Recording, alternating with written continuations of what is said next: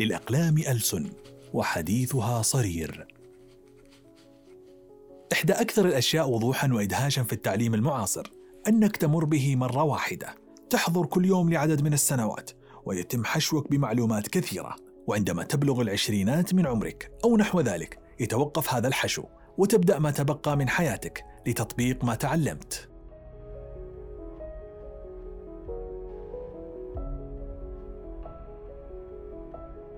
قبل التعليم المعاصر أعظم منظومة تعليمية في العالم كانت الأديان. الأديان التي علمتنا الأخلاق وعلمتنا أيضا هدف ومعنى الحياة. وأحد الجوانب المثيرة للانتباه في طرق تدريسهم هو التعليم بالتكرار.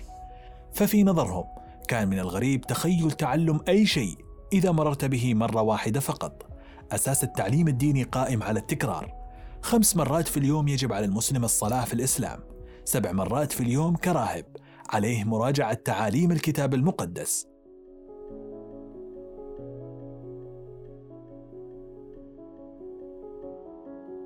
كانت الأديان تشبه العقل بالغربال. أي شيء يتم صبه سرعان ما يتم فقدانه في ذاكرتنا المثقوبة وعلى النقيض. في التعليم المعاصر تشعر بأنه ملتزم بنظرية ضمنية لتشبيه العقل بالدلو. يصب الشخص المعلومات والمحتويات فيه ويظن أنها ستبقى هنالك على الأغلب مدى الحياة. ولهذا السبب ليس من الجدية بأن نقول أن كتابا هو المفضل لدينا ونحن لم نقرأه إلا مرة واحدة فقط في العمر.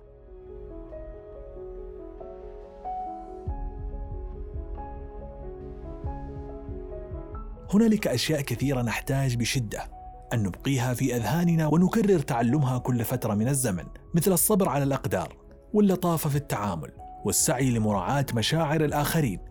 والتعود على كلمة شكرا لمن أحسن إلينا والاجتهاد في فهم الأمور الغريبة والصعبة وعدم الهروب للمعلومات السطحية. صحيح أننا علمنا هذه الدروس سابقا ولكنه كان منذ زمن بعيد ربما عندما كنا في السابعة أو العاشرة فمن الطبيعي أنها لا تكون حاضرة في أذهاننا. ولهذا نحن ندفع ثمنا غاليا لقلة اهتمامنا في تكرار الدروس والأفكار.